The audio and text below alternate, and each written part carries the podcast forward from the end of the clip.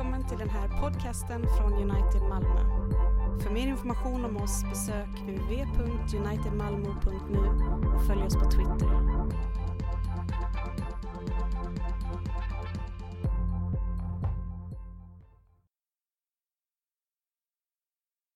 Att Paulus utmanar de grekiske grekiska språkliga reglerna för att försöka beskriva hur härlig den nåden er som Gud har skjenkt oss i Jesus Kristus.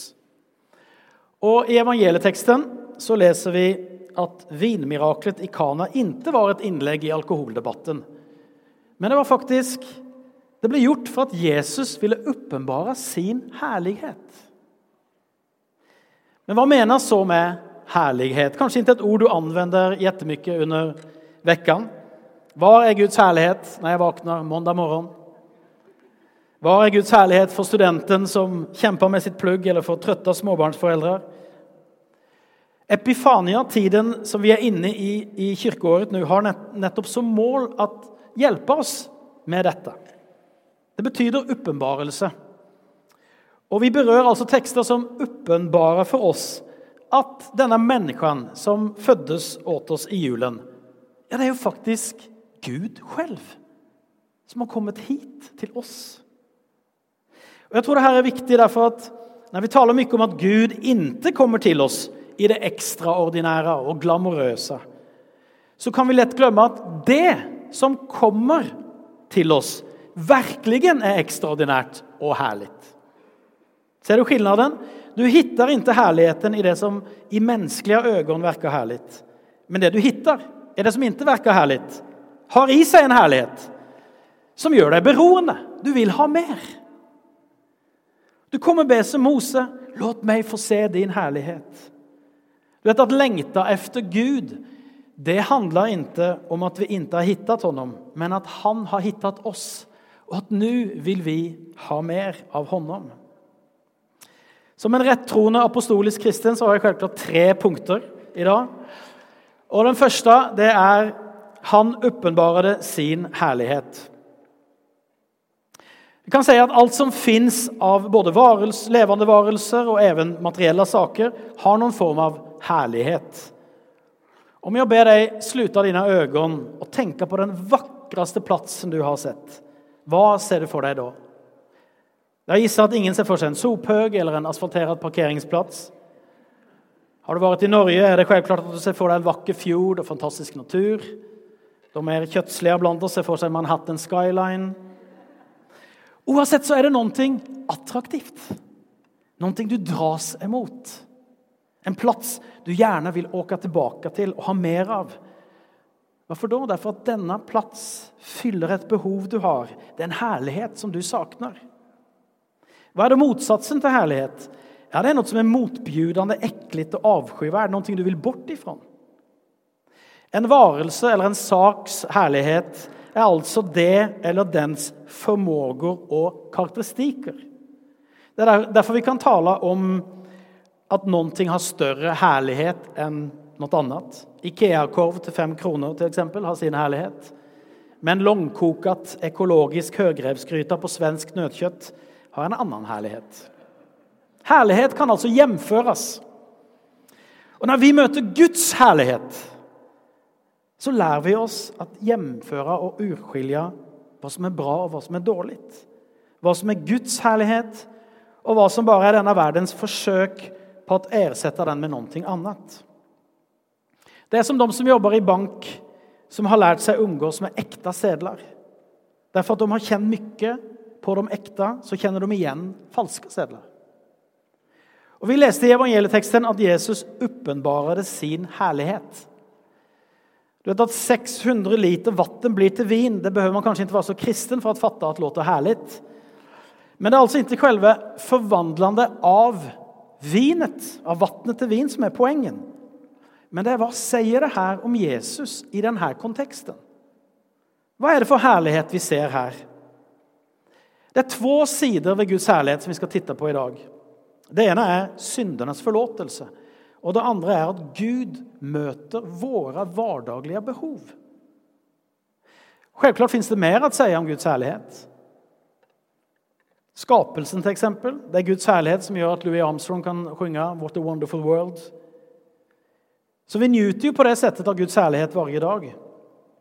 Men de to sidene av Guds herlighet som vi skal titte på i dag, det er det som er sentrum i Nytestamentets undervisning, og som kommer med Jesus Kristus til oss. For det første så griper Jesus her inn i en situasjon der brudgommen og hele hans familie er i ferd med å tappe ansiktet totalt. En sosial katastrofe holder faktisk på å inntreffe. At gå tom for vin på denne tiden i et bryllup ja, det er, Jeg vet ikke hur jeg skal hjemføre det. som å bli tvunget til å springe naken gjennom Malmö en varm sommerdag derfor at du har tappet bort dine klær. Fråga meg ikke hvordan det hendte. Jeg har ikke helt utvecklat denne bilden. Men, men hvilken skam du skulle liksom kjenne. Kanskje ikke alle, men de fleste av oss skulle virkelig kjenne det der. Den situasjonen vil jeg ikke komme i. Ingen mennesker kunne redde situasjonen i det her bryllupet. Katastrofen var et faktum. Det var bare en tidsfråga innan ryktet begynte gå i Kana om familien som gikk tom for vin i et bryllup med sikkert flere hundre gjester. Da åpenbarer Jesus sin herlighet. Gjennom inte, att inte bare redde situasjonen, men att gjøre den beste av vinen noen noensinne hadde smaket i Kana. Katastrof ble vrend til berøm for denne familien. Det er nåd. Og det er presis i Guds nåd at hans herlighet syns best. Nåd, barmhertighet og omsorg er Guds sterkeste formåga, og der vi ser hans herlighet best. Og Dette blir jo også en bild på vår synd. Når vi står der nakne, avsløyda og fylte av skam, så kommer Jesus med sin nåd. Han fordømmer oss ikke, men han redder oss. Han gir oss kleder, han vender vår brist til overflød. Miraklet er altså ikke fremst at han gjør vann til vin, men at han redder en familie fra en skam og fyller deres behov til overflød. Romerbrevet 3 forklarer det her med koblingen mellom Guds herlighet og hans nåd på et mye bra sett.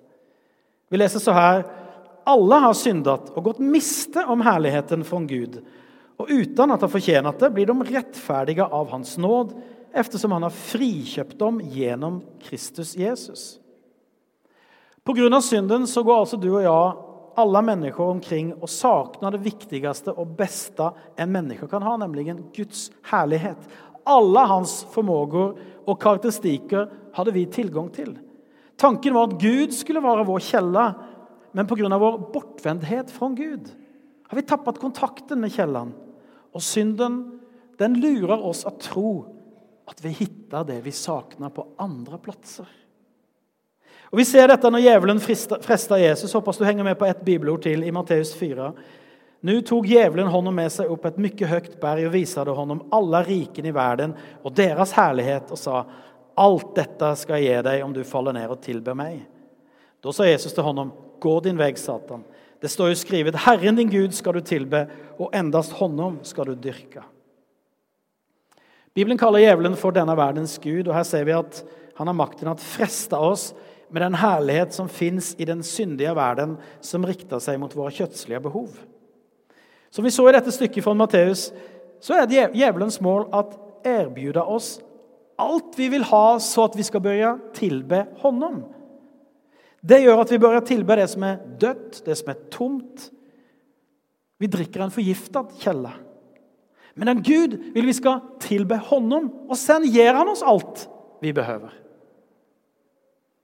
Det betyr ikke at alt i denne verden er fra djevelen, nei, men alltid når vi forsøker å erstatte Guds herlighet med en annen kjelle, så er det det onde for oss selv, og det er olydnad mot Gud.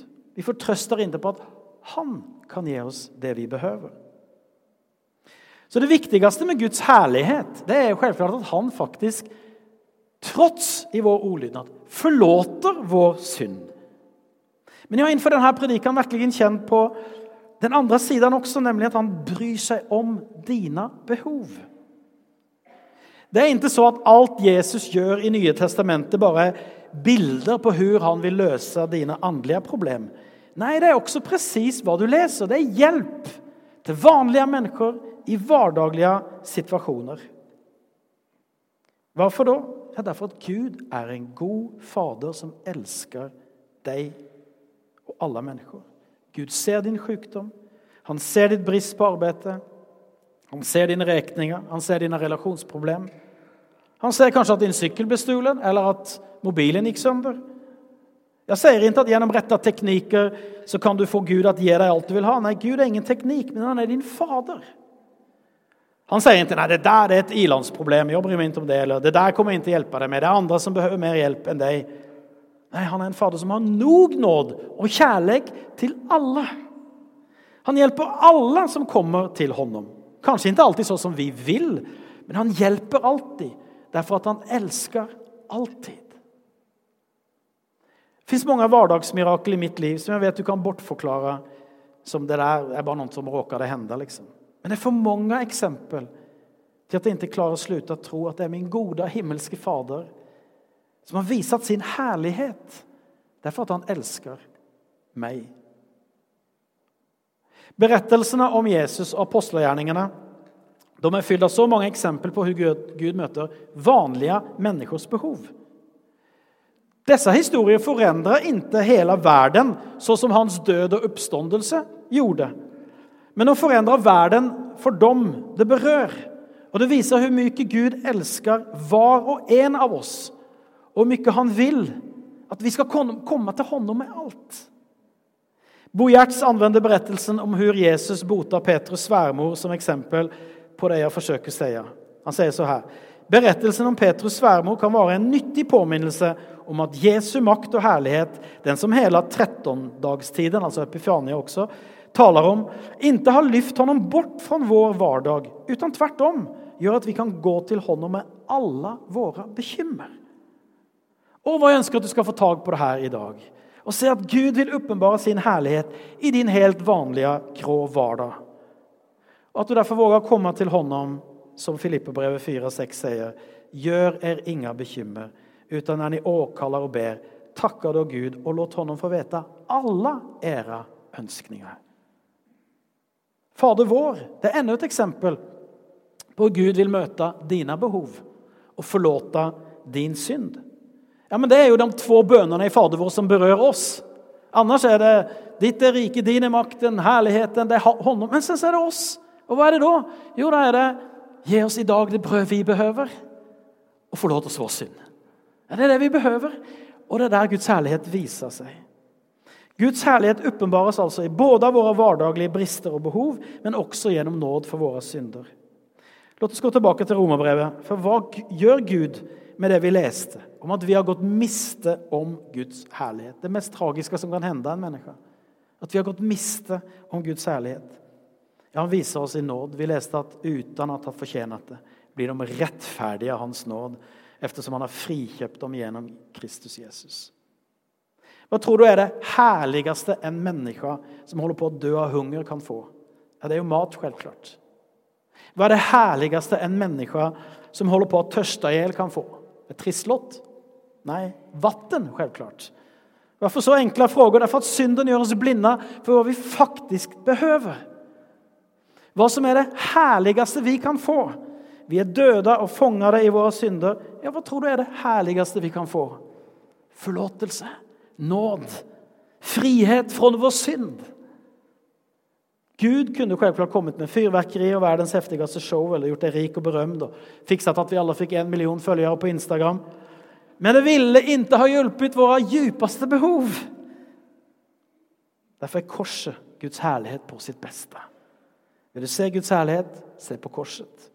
Tro på korset og oppståndelsen. Og du ser hvordan du selv blir reddet fra en evig død til evig liv. Og når du ser på korset hva ser du da? Ja, da ser du at Gud, om Gud var villig til å møte ditt djupeste behov, så vil han også hjelpe deg med dine hverdaglige behov. Punkt nummer två. Herligheten fins i honom. Vi leste i Efesierbrevet at i honom og gjennom hans blod har vi frikjøpt og fått forlåtelse for våre overtredelser. Så rik er den nåd med hvilken Gud har låtit all vishet og klokhet fløde over oss. Dette er en del av Paulus lovprisning av Guds herlighet. To the praise of God's glorious grace, står det i den engelske oversetningen. The grace is glorious. Hans nåd er herlig. Og I den lovprisningen så er det et uttrykk som går igjen, og som du har hørt mye undervisning om, i håndom. En definisjon på Guds ærlighet er Guds åpenbarede nærvaro. Altså det er noe merkbart for oss mennesker. Det er ingen åndelig trans du måtte inn i for å se. Nei, den fins i en menneske som også er Gud. Vil du ha mer av Guds herlighet? Den fins i Kristus. Og hvor fins han? Han fins i ordet, han fins i bordet, han fins i bønnen gjennom sin ande. Jeg tror på en herlighetsteologi som forkunner at herligheten fins i Kristus. Den perverterede herlighetsteologien, framgangsteologien, forsøker å anvende Gud til å få mer av alt man begjær. Medan den rette herlighetsteologien, som er korsteologi, den er villig til å forlore alt for å få mer av Gud selv. Derfor at det fins inget herligere enn at ditt hjerte fortrøster på at Kristus er alt jeg behøver. Problemet er jo, åtminstone for meg, at man så ofte ikke vil tro. Eller man har svårt for å tro. Og Det er derfor Gud åpenbarer sin herlighet gjennom tekken, under, mirakel, som Johannes er opptagen av. Inkluderat vinmiraklet så beskriver han sju tekken som Jesus gjør for å åpenbare sin herlighet. Og hva er poenget med det? Jo, Johannes sier det at ni skal tro at han er Messias. At ni skal komme til tro. At være kristen er å tro på Kristus. Så enkelt. Og I berettelsen om Lasarus sier Jesus at om du tror, skal du få se Guds herlighet. Så hva kommer først? Tro eller herlighet? Vi fattes Guds herlighet, men vi kan få tilbake den gjennom å tro. Problemet er bare at ingen tror. Alle går sin egen vei. Så hva gjør vi? Vi kan ingenting gjøre. Men Gud gjør noe. Hva er det han gjør? Han kommer til vår syndige verd der ingen tror på honom eller søker honom eller vil ha hans herlighet. Og han viser sin herlighet. Han åpenbarer sin herlighet, så vi kan få hans herlighet. Bør tro og få mer av det han vil gi. Det er virkelig gode nyheter. Herligheten kommer først. Det begynner med Gud. Han kommer og åpenbarer sin herlighet for oss. Han søker oss even når vi ikke søker honom. Og Kanskje sitter du her i dag og har på nytt fått se Guds herlighet når jeg prediker om Hans nåd for deg. Kanskje lider du brist på noe som familien i Kana. Og du har desperat behov at Gud griper inn i ditt liv med sin herlighet. Tro og herlighet er som en god sirkel, eller skal vi kalle det Guds sirkel. Han gir deg sin herlighet, så du kan tro på Honom. Og når du tror på Honom, så får du se mer av Hans herlighet, og din tro styrks. Det at Gud kom som en menneske, og at alt fins i Honom, det gjør at vi får tro at Guds herlighet den er jo nære oss. Nå, her i vår syndige verd. Vi behøver ikke liksom, Nå nu Jesus komme med sin herlighet. Nå må vi liksom røye her og ta bort det som er skitet. Liksom. Nei, han kommer til vår syndige verd og åpenbarer sin herlighet. Og vi tror og omvender oss og får mer av hans härlighet. Det jeg rekommenderer deg, om du kjenner så i dag, at du er beroende av hans herlighet. At han møter deg der du er, ikke der du borde være, men der du er. Det at du stemmer i med Mose i hans bønn, og det er også min nyårsbønn. Min siste punkt her. Låt meg få se din herlighet. Mose var i en desperat situasjon, og han forsto at bare med Guds hjelp så kunne han lede israelsfolket. Derfor utbryter han det her. Låt meg få se din herlighet. Vi leser det igjen. Moses sa, låt meg få se din herlighet. Herren svarade, jag ska låta min höghet och prakt gå forbi dig og jeg skal ropa ut navnet Herren inför deg. Jeg skal være nådig mot den jeg vil være nådig mot og barmhärtig mot den jeg vil være barmhärtig mot. Svaren Moses får, det er jo egentlig en sammanfattning av hva vi redan har fordypet oss i. Guds storhet, høghet, hans navn, som åpenbarer Jesus Kristus, og hans nåd og barmhärtighet. Dette er Guds herlighet. Men det er også et fjerde perspektiv som jeg vil lyfte fram. Og det er at Gud sier 'Jeg vil være nådig og barmhjertig mot den jeg vil'. Og Dette syfter på Guds utvelgelse, som vi også møter i teksten i Efesiebrevet. Og det er en mye trøstrik og stor del av Guds herlighet. Det er hans allmakt og hans utvelgelse. Vi kommer jo aldri fatte den, men vi kan få trøst av den. Når vi står innenfor et nytt år vet vi ikke hva som møter oss. Men ber vi, låt meg få se din herlighet. Så er det også en bønn om at få overlemna til Gud alt som har hendt, og som hender i vårt liv i Guds hender. Selv kan jeg nesten tappe andan når jeg bare tenker tilbake på hvordan Guds trofasthet og nåd har vært med meg og min familie i store svårigheter og i små detaljer. Som gjør at vi til sammen i dag kan tjene honom her i Malmö. Jeg har fått se hans herlighet, og det styrker min tro på at det er honom jeg behøver mer av. Låt meg få se din herlighet. Det er derfor en bønn om å få se Gud, hva vil du med mitt liv? Og ikke bare skynde på med alle mine egne planer, men faktisk tro at han har en plan. Og han har kontroll og han har all makt. Men fremst av alt er det en bønn om at få se Kristus på nytt igjen. At kanskje lite skjelvende av förundran over hans kjærlighet til deg. Komme fram til nattvarden dag og ta imot forlåtelse for din synd gjennom brød og vin. Og når du kommer i dag, ta med deg alle dine behov. Alt du gjerne vil se at han griper inn i og hjelper deg med.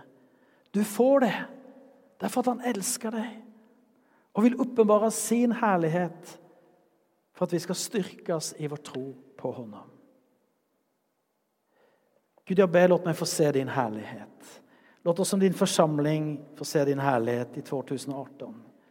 Møt våre brister. Fyll våre kärl med din helige Andes vin. Låt oss frøyde oss i din nåd og fortrøste på din allmakt. Amen.